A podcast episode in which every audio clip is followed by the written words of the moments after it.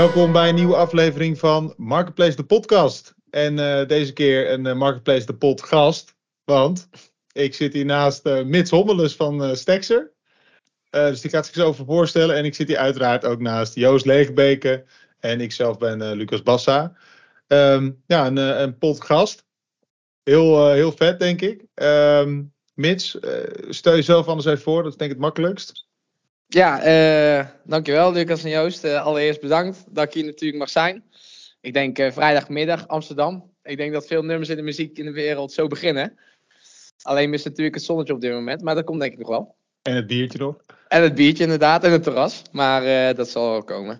Uh, ja, voorstellen, Mits Hommeles, 27 jaar, woonachtig in Nijmegen. Oorspronkelijk kom ik uit Uden, een klein dorpje in het zuidoosten van Brabant. Um, dus ik zal weer aan de minderheid zitten, denk ik. Um, ja. ja. verder, ja, we ook van een beetje standaard dingen, denk ik, net als iedereen. Sporten, reizen, ik vind koken ook nog wel leuk. Um, sinds kort speel ik trouwens weer een instrument. Mm. dat heb ik vroeger zeven jaar lang gedaan. Alleen als je 18 tot 20 vragen over BTW uh, per dag krijgt, dan moet je toch ergens je eind kwijt. Ja. Dus uh, ik heb pas weer lopen tetteren op die piano en dat ging uh, op zich wel goed. Dus we gaan even kijken waar het tot uitloopt. Maar, Toch een uh, soort van Nathan Ake ben jij dan een beetje van de belasting uh, de wereld, hè?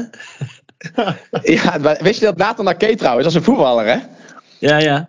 Oh, is dat, is, speelt hij op piano dan? Ja, joh, dan moet je eens een keer terugkijken. Er is een of andere oh. commercial voor de Champions League. Of voor, nee, voor Nederlands elftal. Oh. En uh, dan moeten ze volgens mij tegen Griekenland uit. En dan, oh, ja, dus ja, ze maken steeds vettere filmpjes voor dat soort wedstrijden. En dan ja. ben ik zo'n sukkel die dat dan uh, fucking vet vindt. Die daar volledig intrapt. Maar dan zie je hem zo piano spelen. En dan maken ze dan echt super veel emotie. En ik weet dat de Vrij kan goed piano spelen. En Nathan oh. Ake kan dat ook heel goed. Maar ja. die Nathan Ake, uh, dat is sowieso al een prachtige man om te zien. En dan heeft hij dat, heeft hij dat pak aan. Ja, dan zit hij in zo'n kerk te spelen. Ja, dan, dan ben ik verliefd hoor. Ja, ja dan sta jij weer met je oranje sjaaltje in, het, uh, in de kuip. Ja. Uh. ja, maar zo zit, ja precies. Maar zo zit Mitsen dus ook bij op het taxikantoor. ja, lekker zeg. weet, je, weet je, dat hij daar zit op zijn piano en dat ze zegt, ja, wat is, wie is dat dan? Ja, dat is Mits. Moet je niet in de ogen aankijken. Gewoon nee. rust laten. Gewoon genieten. Ja, nee, maar ja, en dan rustige klassieke muziek spelen, want dan kom ik natuurlijk ja. tot rust. Maar ja. uh, nee, dat is wel leuk. En uh, ja, daarnaast, uh, ik hou van presenteren, communiceren. Dat denk, ik denk wel dat jullie dat weten. Um, ja, mensen zowel helpen op persoonlijk als op werkgerelateerd vlak. Ehm, nou, persoonlijk vlak is misschien nog wel leuk om even te vertellen. Mienke, dat is een eenzame oudere die in Nijmegen woont. Die heb ik gisteren het eerste gesprek mee gehad. En dit doordat er een concept Nijmegen is uitgerold, waarbij jongeren eigenlijk aan eenzame ouderen gekoppeld worden. Hmm. Om zo een glimlach te toveren op hun gezicht. Ja, dat is denk ik het minste wat je kan doen. Uh, Minke wist ook niet wat een podcast was. Ook eigenlijk niet wat een spraakmemo was. Dus ik moest het even uitleggen als radiostation. Dus zo heb ik het ook uitgelegd. En daarbij vond ze het wel mooi als ik het zou benoemen, het concept. Um, omdat er meer aandacht misschien heen moet. Ja. En um, kan ik het volgende week met haar beluisteren. En misschien uh, dat, ze, dat we weer samen om kan lachen. Dus um, als je één, twee, misschien drie uur per week tijd kan doorbrengen met zo iemand om even te wandelen, te praten of een spel te spelen. Dan geeft dat wel een fijn gevoel. Dus uh, Mienke, dit is voor haar. En dan kom je vaker Ja. mensen echt niet, tegen over ganzenbord. Je kent het wel. Heerlijk. Uh, oude kaartspellen, harten jagen. We gaan Hey, eh, hoe heet dat? eh, hoe heet die, eh, eh, dat, dat, dat initiatief? Uh, maatje gezocht heet dat. Maatje en, gezocht. ehm, ja, dan kun je eigenlijk aangeven waar je bij me- oudere mensen kan helpen. Dus stel mensen die vinden het moeilijk om, uh, uh, om te gaan met de computer van deze tijd. Of dat, Ja. en je bent gespecialiseerd in IT. Nou, dan is dat ook al een goede combi. Dus als je die mensen daarmee kan helpen, dan denk ik dat dat heel mooi is. Ehm, Oké. Ja, Dus Mienke, Mienke die gaat wat leren over eh, eh, BTW rondom marketplaces. en eh, En Mits gaat het zo uitleggen dat zelfs Ja. Mieke het ook kan begrijpen. Heerlijk. Dus, eh, ja, ik ga gewoon expres verliezen met ganzenbord. En dan, eh Ja. dan, eh krijg, dan krijgen we aan het lachen. Maar eh, dat is mooi. ja. Ehm, maar ja, buiten dat, wat ik al zei, presenteren, communiceren, is wat ik ook dagelijks doe als business developer. Eh, Ja. Een combinatie als sales slash partner manager bij Staxer. En dat doe ik eigenlijk eh, nu 2,5 jaar lang. Eh, Nice. Dus dat. ja, en hoe lang bestaat Stexer? Ook Staxer? 2,5 jaar. Dus eh, ik was er als eerste bij. Dus eh, ja. Ja, mooi, ben je nou een van de medeoprichters? Of, want dat hoor ik je dan niet zeggen, maar dat gevoel had ik telkens toen ik jou sprak. Ehm, we kunnen denk ik inmiddels zeggen tegen, dat ik er wel op in zit. sinds, ja, denk ik kort. Maar als oprichter ben ik het niet. Maar ehm, ja, dus dat. Ja. Ja, ja. ja, mooi man. Ja, het is denk ik uh, best wel snel gegaan uh, bij Staxer. Ik, ken, ik ben de eerste keer in aanraking gekomen met, met Ties, dus een van de oprichters. Die, uh, die stuurde mij toen een LinkedIn berichtje, want ja, die ziet natuurlijk hoe ik de marketplace evangelie predik op, op LinkedIn. En die dacht, nou, daar wil ik wel eens even een, een koffietje mee drinken. En toen hebben we volgens mij een keertje een videocall gedaan, want ik, ik wist eigenlijk meteen ja, ik zit al zo lang in de marketplace dat ik wel wist, BTW op marketplace echt een gedoe. Ehm, dus ja, mooie oplossing. En toen zijn we dat uh, volgens mij vrij snel als een partnership gaan opzetten. Ja. En uh, we hebben ook een code die we klanten kunnen geven met ze korting krijgen en zo. En um, ja, eigenlijk sindsdien is het best wel snel gegaan. Jullie hebben laatst een, mooie som geld opgehaald, ook uh, via crowdfunding. Ja, wij, wij zijn dus toen met z'n drieën begonnen. Um, en toen hadden we vijf tot tien klanten. Ik denk, uh, toen werd ik uitgenodigd door twee ondernemers die zeiden van, uh, ja Mits, ik denk dat we wel een leuk concept hebben. En uiteindelijk zijn wij uitgerold nu tot een, met z'n dertig zijn we inmiddels. En dat doen we tussen de 500 en 600 e-commerce bedrijven die we bij btw-problematiek over de grens helpen inmiddels. Ja echt een gigantisch aantal aan klanten ook, als je dat uh, moet bedenken. Ik bedoel, dat zijn allemaal klanten dus die ook cross, cross-border gaan, dus die over de grens gaan. En uh, ja, ik, ik heb nu niet de aantallen in mijn hoofd zitten hoeveel e-commerce partijen dat uh, daadwerkelijk zijn, hoe groot de markt is. Maar ik denk dat je al een aardig deel van de markt aan het helpen bent in ieder geval. In ieder geval een aardig deel van de Nederlandse en de Belgische markt, ja. als ik dat zo begrijp. Ja, hey, maar ik, ik, waarschijnlijk de meeste luisteraars kennen Staxen niet. Uh, en hebben dus ook nog steeds geen idee waar we het over gaan hebben. Uh, we hebben het al eventjes benoemd, denk ik. Uh, we hebben het al eventjes aangeraakt. Maar Lucas, als deze luisteraars zo meteen klaar zijn met luisteren, wat hebben ze dan geleerd? Dan hebben ze geleerd waarom BTW zo'n belangrijk onderdeel is van, van opschalen met marketplaces. Ik denk ook met name Amazon, maar ook zeker gewoon je webshop. Ehm, wat er een beetje de afgelopen tijd is veranderd rondom, denk ik, BTW en, en waarom het zo belangrijk is geworden dat je dat op orde hebt. Ja. Ehm, ik denk ook wat er nog aan gaat zitten komen met, met, met Staxer en, en BTW-regelgeving. Um, ik denk dat we als eerst even uh, naar BTW toe moeten. Wat, wat betekent BTW? Ik heb het even opgezocht. Dat betekent onder meer bijzondere tactische werkzaamheden. Buiten. Nee. Dat is een ja. codetaal in Den Haag of zo. Ja, je hebt by the way. Ja, by the way betekent het. Buiten temperatuurwaarde in meteorologische contexten. Maar in dit geval betekent het gewoon belasting toegevoegde waarde. Uh, en mits, uh, corrigeer me, maar uh, in principe, um, hoe ik er eigenlijk mee in aanraking ben gekomen in de laatste tot marketplaces was voorheen had je een omzetdrempel in Duitsland bijvoorbeeld. En als je dan meer dan een ton verkocht in Duitsland, dan had je een btw-nummer nodig. Uh, dat was eigenlijk uh, per Europees land dat je zo'n omzetdrempel. En het is in een best wel korte tijd, voor mijn gevoel, is het, uh, is het veranderd naar dat je nu een situatie hebt dat eigenlijk op het moment dat je voorraad ergens anders neerlegt, in een ander land, ben je daar btw-plichtig. Heb je dus een btw-nummer nodig en moet je aangifte doen in dat land. zo, ja. zo, dat klopt, hè, wat ik zeg. Ja, zeker. Ik, uh, ik, hoef, ik heb daar niks op toe te voegen eigenlijk. Ik denk dat op dit moment uh, de enige uh, legitieme reden die er is om een btw-nummer te moeten hebben in een land buiten Nederland, is als je daar voorraad neerlegt. Ja. En eigenlijk een heel simpel voorbeeldje. De doorsnee klant die eigenlijk bij ons komt, die verkoopt eerst op een eigen webshop. ik noem maar iets hondenbakken. die gaat vanuit de webshop gaat naar bol.com. dat loopt eigenlijk allemaal wel goed. En op een gegeven moment uh, wil hij eigenlijk ook over de grens gaan verkopen. Nou, welk platform kom je dan tegen? Dat is Amazon. Uh, uiteraard wil die hondenbakken ook in Duitsland gaan neerleggen. En uh, om vanuit daar een voorraadcentrum uh, die hondenbakken neer te leggen en uiteindelijk naar de eindklant te sturen. Ja, ja en dan heb je gewoon een BTW-nummer nodig. Dat is eigenlijk ehm, het makkelijkste om het uit te leggen. Ja, en, en inderdaad, uh, nog even een, een, een, klein beetje context. Dus Amazon die heeft gewoon externe warehouses. Jij kunt als verkoper daar gebruik van maken. Dan leg jij daar je voorraad neer. En Amazon levert dan vanuit daar de eindconsument. Precies, heeft allerlei voordelen die we in andere podcastafleveringen al hebben behandeld. Ja. Maar ik denk wel interessant om te benoemen dat steeds meer marketplaces deze uh, functionaliteit gaan toevoegen. Hè. Dus Kaufland heeft nu eigen fulfillment. Ja. Discount heeft al eigen fulfillment in Frankrijk. Nou, Zalando, Zalando, TikTok, uh, uh, notabene. Super huge aan het worden. Ja, oh, dus, is niet eens. Oh. Ja, dus het is in de UK. in de UK inderdaad een soort beta-ding. Ehm, maar het, wordt dus steeds, het komt steeds vaker voor dat de marketplaces, hè, die hebben al een soort van schaal. Dat ze ook redelijk goedkope tarieven hebben. Uh, en daar kun jij dan als uh, verkoper gebruik van maken. Ja, ehm, sowieso hè, Bassa, gewoon, want dit, dit topic raakt gewoon internationalisering, internationale expansie. En um, ja, je, je ziet gewoon uh, dat gaat gewoon huge worden met de technologische vooruitgang die je nu ziet. En de globalisering die er nu al is.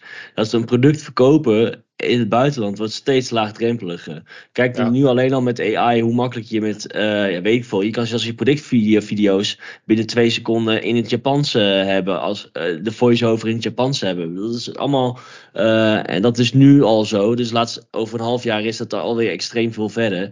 Ja. Dus, dus um, ja, het, het verkopen um, buiten je eigen land en wereldwijd. En dus Channel eentje is bijvoorbeeld ook daar echt al aan het, in, aan het, in, aan het inopspelen. Um, ja, dat gaat gewoon heel makkelijk worden zometeen. En, uh, en ja, dat is wat, wat je natuurlijk ook wil. Dat je, dat je je merk of je product gewoon wereldwijd kan verkopen. Dus, ja, nou, en dan kom je tegen, dan kom je wel tegen bepaalde grenzen aan op fiscaal gebied. En dat is het minst leuke eigenlijk, want dat heeft niks te maken met groei. Tenminste, in, in mijn hoofd dan. Maar uh, ja, het heeft vooral weer te maken met de moedjes. Dingetjes die je moet doen, waar je eigenlijk helemaal geen tijd in kwijt wil zijn. Ja, en dan, uh, en dan uh, loop als je het zelf wil doen, loop je volgens mij heel erg tegen de lamp. Maar dat heb jij volgens mij meer ervaren dan ik, of niet bij Alpine, of niet? Of bij, ja, of een ander bedrijf. Ja, zeker. Dus, dus, en mits ik denk dat daar Staxer uh, om de hoek komt kijken. Die maken eigenlijk het, het moedje dat, hij, uh, dat BTW is in deze zin. Maken ze zo laagdrempelig mogelijk. Dat je er niet zoveel tijd aan kwijt bent. En, en het wat makkelijker is om het bij te houden. Um, want het is in die zin wel een soort groei, grow enabler, zeg maar. Growth ja. enabler. Ja. Mooi gesproken. Ja. hey, en, en Mits, Mits, als jij um, eh, kijk naar, naar waar Staxer dan, uh, of Staxer moet ik eigenlijk zeggen. Hè? Het is een beetje een, uh, het is wel een, ook een international name al. Staxer. Ja. ja, nee, het is, wij zeggen eigenlijk tegen Nederlandse klanten altijd Staxer. Want als, als je tegenwoordig de, uh, iemand belt, dan is het vaak, ja, Staxer begrijp ik wel, maar Staxer, wat is dat? Wat is dat, weet je wel? Dan krijg je stekker ja. of ste ja. ja, dat verstaan ze vaak niet. Maar internationaal uiteindelijk gebruiken we natuurlijk Staxer en dat zijn we nu ook aan het doen, want ehm, ja, we zitten nu in Nederland nog. we hebben een kantoor in Nijmegen. Er zit ons marketing sales team en een kantoor in Groningen, waar ons tech team zit. Die zit natuurlijk achter de software. Mm en uiteindelijk zijn we nu aan het internationaliseren. Dus we hebben ook naar onze eerste Deense collega. Uh, en zo gaan wij eigenlijk uh, ja, Europa in. Cool. En, en jullie, eh, wat zie jij als, als, als belangrijkste onderdeel van Staxer? Is dat het gewoon het compleet uit handen nemen van een aanvraag en de aangifte? Of doen jullie ook een stukje ondersteuning? Dat weet ik eigenlijk ook niet. Ja, het is eigenlijk uh, waar het altijd bij begint. Hè? Uh, de BTW-nummer aanvraag. Uh, boekhouders in Nederland weten vaak niet hoe ze dat moeten doen. Dus wat klanten eigenlijk altijd bij ons zeggen van... Hey, kunnen jullie dat voor mij doen? Ehm, omdat mijn boekhouder heeft er gewoon geen weet van. Ehm, dus als je naar Duitsland gaat... Eh, ik weet niet of jullie ooit met de Duitse Belastingdienst in aanraking zijn geweest... maar dat is verschrikkelijk. alles gaat per mail of alles gaat per post. Maar als je dat ook niet, niet eens in Duits doet... dan reageren ze al niet. Dus zo is ook eigenlijk straks een beetje ontstaan hoor. Want wij zijn, uh, we hebben ons Duits BTW-nummer ook eerst aangevraagd. Wij verkochten altijd van die webcam schuivertjes die je eigenlijk voor je laptop kan doen. Ja. Uh, dat zijn eigenlijk van die fysieke cybersecurity producten. Waar we uiteindelijk ook hebben uitgerold naar smartphone hoesjes die dat hebben. En wij wilden ook graag uh, op Amazon gaan verkopen. Dus wij wilden ook onze voorraad in Duitsland gaan leggen. Dus wij hadden het eerste wat je op Amazon account krijgt te zien is: je hebt een Duits BTW-nummer nodig. En die hadden wij ook niet. Dus um, toen zijn we eigenlijk naar onze boekhouder gegaan. Uh, aangegeven van, hey, zou jij dat voor ons kunnen aanvragen? Nou, ten eerste zou hij dat eigenlijk niet mogen doen, want je zou stooienberaad moeten zijn. Dat is eigenlijk een heel duur woord voor een Duits consult, een Duitse boekhouder. en um, uiteindelijk um, gaf hij ja, nou, bij eigen risico van dien wil ik het proberen, maar kregen we een offerte van 2.500 euro voor alleen het BTW-nummer. Ja. Dat we eigenlijk zeggen, uh, kijken van, hey, kunnen we dit niet zelf uh, proberen op te lossen? Nou, dat heeft uh, uiteindelijk negen maanden geduurd voordat wij ons eigen Duitse BTW-nummer kregen. Uh, nou, we zaten bijvoorbeeld met de kerst aan tafel en toen kwam je in één keer binnen. Niet eens wetende dat we nog ooit in Duitsland konden gaan handelen. Ja, juist. Uh, ja. ja dus toen, lagen die, uh, toen lagen die webcam-schuifjes natuurlijk al lang en breed bij de Action uh, van een paar Ja, cent. precies. Nee, ja, die hadden wij overal neergelegd. Maar ehm, ja, je ziet gewoon dat dat al een probleem is op zich. En uiteindelijk, ja, uh, hoe gaat het dan in zijn werk? Dan moet je ook aangifte gaan doen in die landen. Ja. Of vooral in Duitsland. En uh, Duitse BTW-aangifte, dat is ook weer een andere tak van sport. Andere uh, regels die erbij komen. En ook wederom een Nederlandse boekhouders hier tekort schieten. Ehm, ja. Waardoor wij dat eigenlijk nu allemaal in huis hebben gehaald. Dus ja. dat. Ja, dan heb je het over Duitsland. Hè? En de, ja. de, de, onze oosterburen zijn wat dat betreft wel redelijk hoe ik ze ken, van um, ja, gewoon heel uh, van de regelmaat en uh, allemaal prima. Maar als je dus op een situatie komt dat je dit in Italië, Spanje, uh, Polen, Z Zweden, et cetera moet gaan doen, dan wordt ja. het gewoon al heel snel een, een vrij complex compliance issue. Ja. Um, en jullie zeker voor al die bedrijven. Ja, ik bedoel, welk ja. bedrijf is nou zo groot dat, dat hij dat even gewoon, dat hij daar een man op kan zetten? Uh, en uh, ja, dat, er zijn natuurlijk genoeg bedrijven, maar ja, ook heel veel bedrijven die dat niet, uh, die, die dat überhaupt niet kunnen, die dat niet, niet kunnen permitteren. Dus ja, growth enabler is een beetje een fancy woord, vond ik, Lucas. Maar als ik er niet zo over nadenk, begin er steeds meer achter te staan. Want ja, goed, ja het is letterlijk, als je dit als je zo straks het niet hebt, is voor sommige bedrijven ook gewoon dat ze zeggen, ja, laat me zitten dan. Dan, dan gaat ja. het gewoon even niet lukken op deze manier. Ja, ja. Zo, was, zo was het bij Alpine ook. Hè. Dus die hadden gewoon een goede finance afdeling. Ja. Maar die finance afdeling zit daar niet om uh, uh, kaas te maken van alle Amazon specificaties. Die moeten ook gewoon andere uh, zaken doen. En um, ik, ik moet zeggen, Amazon die maakt het ook wel redelijk, vind ik redelijk complex. Um, die stuurde een factuurtje elke twee weken in plaats van gewoon standaard per maand.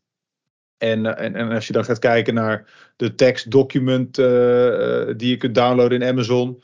Ja, dat is zo uitgebreid. Um, en wat ik daar nog van weet, is dat je bijvoorbeeld ook. Het kan ook zijn dat jij voorraad in Duitsland hebt liggen, maar dat het dus wordt besteld vanuit Zwitserland. Ja. En dan heb je ook weer te maken met intercommunicaire leveringen. Nou, dat is sowieso een woord uh, dan klap ik daarna, als ik dat hoor, klap ik mijn laptop even dicht en dan ga ik even naar buiten. Want dan ja. moet ik echt, of dan ga ik even achter de piano zitten. Uh, ja, precies. Ja. Ja. Dus dat snap ik wel. Maar, maar Mits, uh, dat is, is dat nog iets wat, wat nu speelt? Intercommunicaire leveringen? Is dat iets wat dan ook in zo'n aangifte meegaat? Of heb je daar eigenlijk niet zoveel mee te maken? Uiteraard. Um, eigenlijk naast wat je qua omzet draait in een uh, land als Duitsland of uh, in Spanje, ligt eraan waar je voor hebt liggen, moet je natuurlijk ook aangeven wat de goederenverplaatsing is geweest van uh, Nederland bijvoorbeeld naar de Duitse FBA. Maar tegenwoordig is het bijvoorbeeld ook zo dat warehouses zelf voorraad gaan verplaatsen. Stel, je, je zit in meerdere landen. tegenwoordig heb je ook het PAN-pakket, heet dat. En PAN houdt eigenlijk in dat je in ehm, zes landen waar fulfillment center van Amazon aanwezig is, voorraad neerlegt. Um, dat is tegenwoordig is dat Duitsland, Frankrijk, Spanje, Italië, Tsjechië en Polen. Um, en als je daar voorraad neerlegt, dan ben je eigenlijk bezig met het panpakket wat het voordeel met zich meebrengt dat je verzendkosten lager zijn. Levertijd ja. naar de klanten korter. Um, zo kan bijvoorbeeld een klant uit Portugal snel een product verwachten, omdat uh, het vanuit Spanje in één keer gestuurd wordt en niet vanuit Duitsland. Ja, ja wat, wat ook goed te vermelden is dat het dus, eh, je levert het in Duitsland bijvoorbeeld aan. En dat Amazon dat allokeert over de verschillende warehouses in de verschillende landen ja. op basis van verwachte vraag. Ja, precies. Dus ja. je, betaalt, je betaalt dan de lokale tarieven, omdat zij dus niet meer. Jij, jij betaalt niet meer voor die voorraadverplaatsing over de grens. Nee, je ligt gewoon al uh, dicht bij de klanten. En dan heb je ja. de Prime Badge, uh, wat ook weer conversieverhogend werkt. Dus het is wel echt een. Ja, ik zie dat een beetje het Pan FBA pakket. Als je echt Amazon op A-niveau wil spelen, ehm, dan is het PAM-pakket echt wat je, wat je nodig hebt. En, en tegenwoordig, daar zijn ze mee in ontwikkeling. Ik weet niet hoe ver dat nu is. Ik heb nog niemand gesproken. Maar tegenwoordig gaat het dus ook zijn, die Prime Badge kan je dus zometeen ook gaan inzetten voor je eigen webshop op, shop, op Shopify. Dus het, kan, en ik weet nog niet of het nu al zo smooth werkt als, als het ideaalbeeld zou moeten zijn. Maar idealiter zou je dus zometeen bijvoorbeeld Amazon gebruiken als jouw fulfillment center. En dat je daar ook mee je eigen webshop orders aflevert. Uh, Via de Prime standaarden. Ah, ja. Uh, reet interessant en weer een drempel minder om uh, internationaal of in ieder geval Europees te gaan, uh, te gaan verhandelen. Ja. ja. En misschien ook wel nog leuk om te vermelden is natuurlijk wat buiten het uh, Pan-Europa pakket valt, is natuurlijk ook Engeland uh, en Zweden tegenwoordig. En ja, Engeland is eigenlijk de tweede grootste markt van Amazon, uh, wat altijd nog interessant is om voorraad neer te leggen. En Zweden maakt eigenlijk tot nu toe mogelijk in de eerste geschiedenis van Amazon om daar voorraad neer te leggen, dat je eigenlijk mensen binnen Scandinavië of klanten binnen Scandinavië zo snel mogelijk kan bereiken. Want normaal gesproken hoe dat ging, is eigenlijk dat jouw pakket vanuit Polen werd gehaald of Duitsland. En dan betaalde je gewoon schil- en verzendkosten. Ja, dus, ja. En jij noemt Scandinavië, je noemt Scandinavië dus echt ook Noorwegen, Finland uh, en dergelijke landen. Vanuit, ja, alleen Noorwegen valt er dan buiten, omdat het buiten Europa valt. Dus dan zou je oh, ja, eigenlijk apart een BTW-nummer voor moeten hebben. Maar, maar daardoor, echt, ja super interessant, hè? want Zweden is natuurlijk nu nog uh, vrij recent begonnen en nog best wel klein. Maar we weten allemaal dat de Scandinavische markt, dat is echt een, een, een megamarkt. Goede economie. Uh, en daar zijn ze ook bereid om voor kwaliteit te betalen. Ik bedoel, je ziet, vaak zie je een product in Nederland worden verkocht. En dan zeggen ze van uh, made in Scandinavia of in Norway of zo. Ja, of dat wel deugd. Ja, dat ja. schreeuwt kwaliteit gewoon. Ja, kijk, het is nog, het is nog wel. Uh, iedereen eigenlijk met. We, we, merken wel binnen onze eigen klantenbestand. Iedereen die eigenlijk in alle landen al ligt. Vraagt nu massaal een Zweeds B2-nummer aan. Zodra er eigenlijk ergens weer een voor, voorraadcentrum komt. dan zijn zij weer de eerste die gelijk ja. uh, dat gaan aanschaffen. Maar het is nog wel een kleine markt. Maar ik moet je zeggen, het wordt wel. Ik denk dat een. Uh, ja, een gamechanger gaat worden, zeg maar. Cool. Hey, ja. hey Mits, ik had, ja, mag ik nog een vraag stellen, Lucas? Of, ja, uh, ja. ik, ik wilde gewoon een uh, domme opmerking maken over uh, dat je alle BTW-nummers moet sparen als een soort van. maar jouw vraag is denk ik nuttiger. die BTW-nummers, dat je zo'n mapje hebt met ja. allemaal certificaten. En dat je. ah, deze, dit land heb ik nog niet. Nee. ja, nu, er zou vast wel iemand in Nederland zijn. En echt, als je dit luistert en je bent die persoon die dat mapje heeft doe even een face momentje, meemomentje, ja. want uh, ja, dat vinden we natuurlijk koning. En dan zetten ja. sturen direct man bij het hond op je af. Ja. Um, maar um, nee, mijn vraag, ik zou hem bijna vergeten. Nee, UK, hè, dat is ja, uh, ik denk best wel wat luisteraars denken van ja, UK, uh, Brexit, onmogelijk of lastig. Die staat onderaan mijn lijstje, ondanks dat het een hoge, grote markt is. Um, in hoeverre is dat lastig, mits UK actief zijn? Nou, dat is dus, eigenlijk valt dat gewoon reuze mee. Uh, het enige wat mensen vaak denken, omdat het buiten Europa valt, is dat er allerlei regels bij komen kijken. Meestal heb je eigenlijk een EORI-nummer nodig en een Engels BTW-nummer. Het enige verschil tussen uh, Engeland en andere landen is, als je al een particuliere verkoop vanuit Nederland aan Engeland hebt, dan heb je al een BTW-nummer nodig. Bij andere landen is het zo, alleen als je een voorraad in dat land hebt. Ja. Hey, en ik, ik moet even op het, uh, op het belletje gaan drukken. EORI hoor ik je zeggen. Ja. Um, hoe schrijf je het überhaupt? Want mensen gaan het googlen. E-O-R-I. En ik weet wat het is. Uh, maar corrigeer mij weer wanneer ik uh, uh, het fout heb. Maar dat is eigenlijk je douanenummer. Waarmee je dus, dat heb je nodig om, om goederen te importeren of exporteren. Precies. Oh, jongen, jongen, jongen. ja, hey, punten. Echt, ping, ping, ping. ik ben een wandelende encyclopedie, jongen. Dat is niet normaal. Oké. Okay, de wandelende e-commerce encyclopedie. Mits eigenlijk, wat ik nog wel merk, is dat er, er, heer, er heerst nog wel een soort van het idee dat Engeland uh, een, een mega gedoe is om te leveren. Wat ik wel weet, is dat het is natuurlijk nog wat, wat duurder, omdat je uh, nou, uh, wel met, met importheffing en zo zit, geloof ik.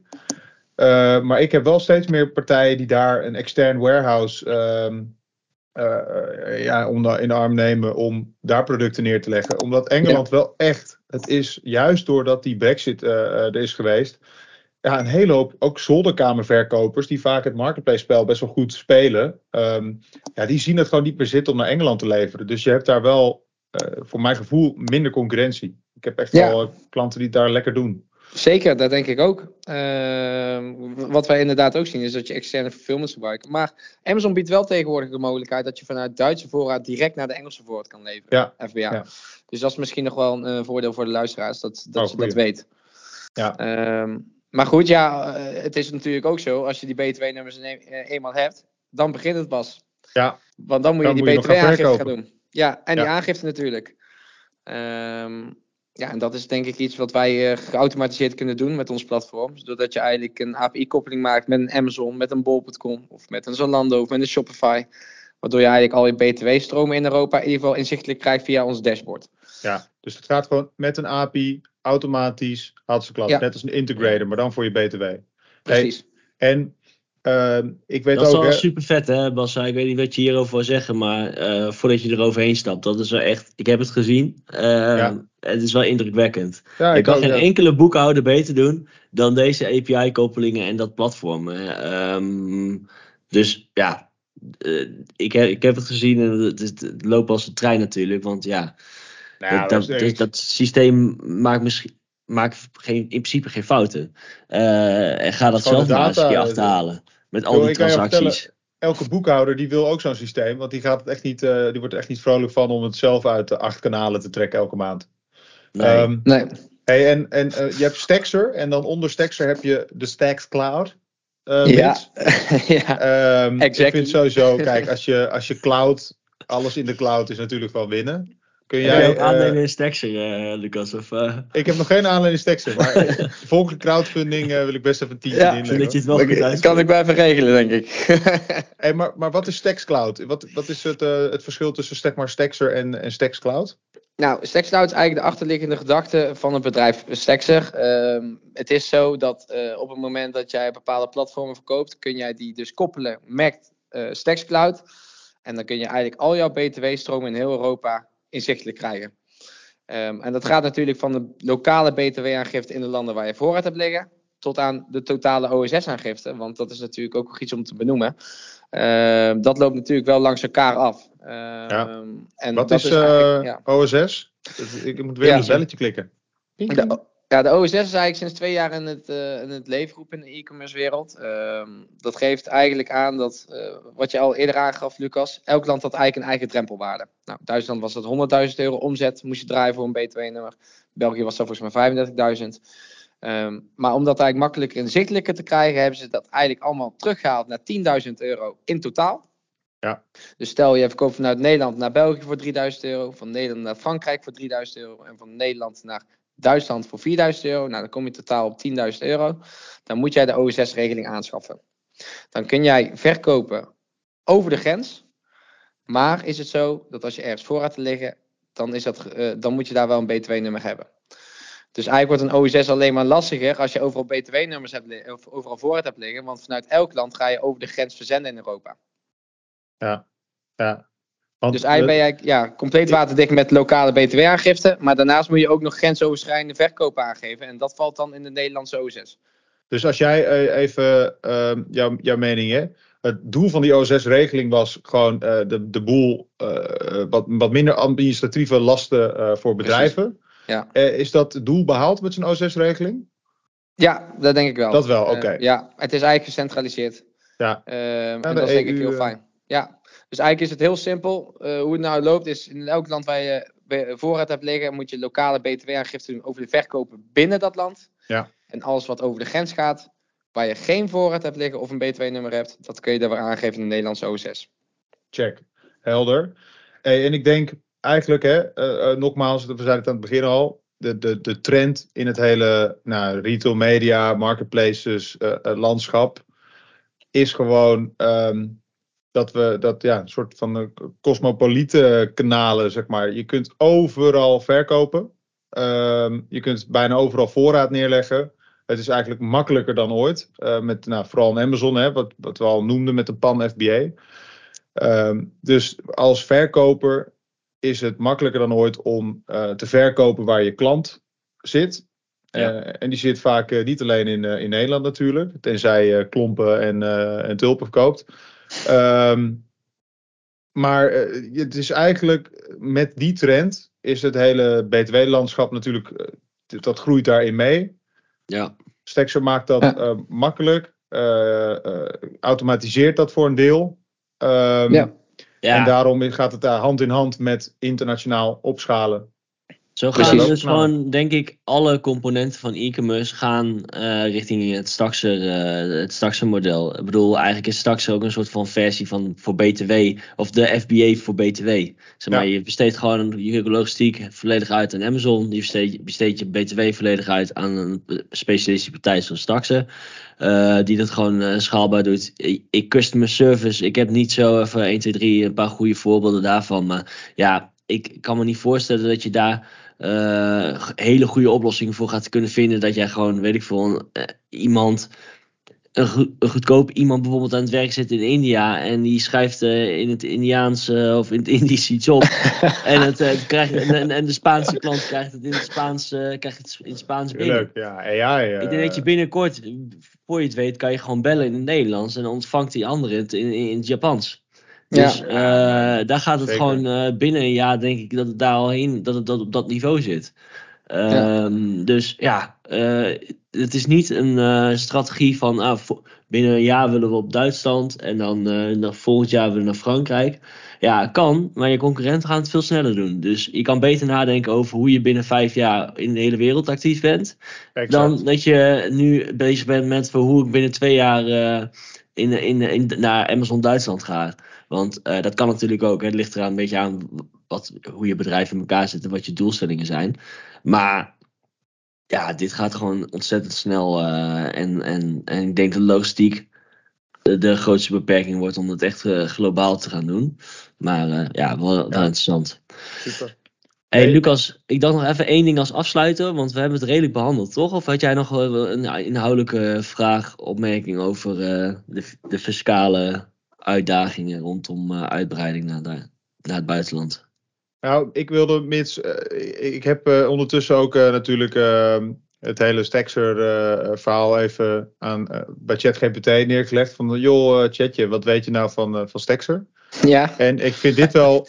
Ik vind dit wel een mooie samenvatting. Ik ben benieuwd of je hier nog wat aan kan toevoegen. Of dat jij eh, ja, deze ronde aan, eh, aan AI moet geven. Maar ja. Stexer is bijzonder relevant voor bedrijven die betrokken zijn bij grensoverschrijdende handel, omdat het beheren van BTW voor meerdere jurisdicties aanzienlijke uitdaging kan opleveren. Jezus, wat een woorden. Maar wel goed, goed omschreven. Begrijpt Minke het nu ook? nee, ik denk Minke dat we eerst een potje mensergige niet gaan doen. Ja. En dan, Ja. eh, dan gaan we het uitleggen. Maar En even een borreltje, advocaatje. Ja, misschien is het alleen nog leuk om te vertellen dat wij eh, bezig zijn inmiddels met een tool. eh, dat jij dit eigenlijk door kan voeren in je Nederlandse boekhouding, wat jij in het buitenland doet. Eh, en dat je tegenwoordig daar boekhoudpakketten als een Exact, als een Moneybird, Yuki, dat eigenlijk met CSV-bestanden het over kan zetten gelijk in je Nederlandse boekhouding, wat je dus in het buitenland hebt gedaan. En ik denk dat dat wel echt een gamechanger gaat worden in de e-commerce wereld, want ik denk dat Ja. heel veel mensen daarop zitten te wachten. Wij vinden het heel belangrijk om eigenlijk eh, altijd product research te doen op ons eigen klantenbestand. Want die weten natuurlijk wat Stexer is en waar we heen kunnen. Dus eigenlijk koppelingen als een WooCommerce en Kaufland, die gaan eraan komen. Maar eerst dit. En dan eh, denk ik dat wij eh, heel veel mensen blij kunnen maken. Ja, klasse man, dat klinkt Nice. echt top. Eigenlijk eigenlijk een beetje het laatste stapje in het hele, het hele uit handen nemen van, eh, van het hele. In ieder geval ja. de volgende stap. eh, volgende ik denk stap. dat je nog wel Ja. verder kan. eh. Ja, Ja, we willen gewoon ja, de totale achterkant worden van eh, de Nederlandse e-commerce wereld. Ja, Ja. de rear end. Cool. Hey, ik denk, Mits, twee dingen eh, voor in de show notes. Wij hebben een, eh, zo, zo'n een, een, een, ja, een, eh, een kortingscode, zodat eh, luisteraars die nog niet hun BTW automatiseren, eh, maar wel eh, internationale ambitie hebben. Eh, en als je die ambitie niet hebt, ja, dan moet je even een berichtje sturen, want eh, je, laat gewoon, eh, je laat gewoon een hoop omzet liggen. Maar als je die ambitie wel hebt, staat in de show notes. En ik zal ook even dat, eh, wat was het nou, maatje gezocht, zal ik ook even in de show notes zetten. Ja, leuk. Dat gaat wel leuk. Dat We do our part. Cool. Ja, Hey, en ehm, wellicht is het niet goed om nu nog te benoemen aan deze podcast. Maar ik vind het wel. Ik, er is mij deze week iets eh, eh, aan het licht gekomen. Via via een beetje in de wandelgangen van de e-commerce eh, wereld. Eh, over malafide pa- partijen die eigenlijk je, je ranking te koop aanbieden op Bol. Of in ieder geval die aanbieden dat jij gewoon je ranking kan, kan inkopen. Ik ga die partijen nu even niet noemen, want het is een hele kwalijke zaak. En ik heb al gekeken hoe. Ik heb al vernomen dat het dus vrij effectief is. Ehm, maar dat is echt iets waar ik misschien nog wel volgende podcast mee wil openen. Wat, wat, hier, uh, wat hier aan de gang is. En of uh, Bob.com dit kan stoppen. Want ehm, ik had al redelijke vermoedens van, van manipulatie van het rankingmechanisme. Maar dit bewijst dat, dat, dat, dat het ook op een grote schaal gebeurt. En ja, later meer erover. Oké, mooi teaser Joost. Ja. Inderdaad hey, uh, Mits, ik denk dat we hem, uh, dat we hem afronden dan. Uh, ik resteert mij nog om jou ontzettend te bedanken voor jouw aanwezigheid. Ehm, ja. Goede dingen bezig. ik, ik denk, wij komen elkaar nog wel tegen op een event. Ja, dat denk ik ook al. En ja, groetjes aan Ties. Ja, ga ik doen. En uh, jullie ook bedankt uh, voor deze podcast. Ik wil nog even benadrukken dat het wel heel goed is wat jullie doen. Zeker over informatieve slash educatieve manier mensen op de hoogte brengen wat in de e-commerce wereld speelt. Uh, dan moet je hier naartoe, of moet je hier naar luisteren. Dus bedankt jongens. Leuk man. Ja, ook bedankt Mits. Hey, en alle vragen die wij na, na de hand over BTW krijgen, ja, die gaan uh, gewoon direct door naar jou, hè? Dat uh, snap je. ja, stuur maar door. Dan ga ik weer daarna piano spelen. ja, lekker. Oké, okay, jongens, tot de volgende. Yo. Tot de volgende. Yo.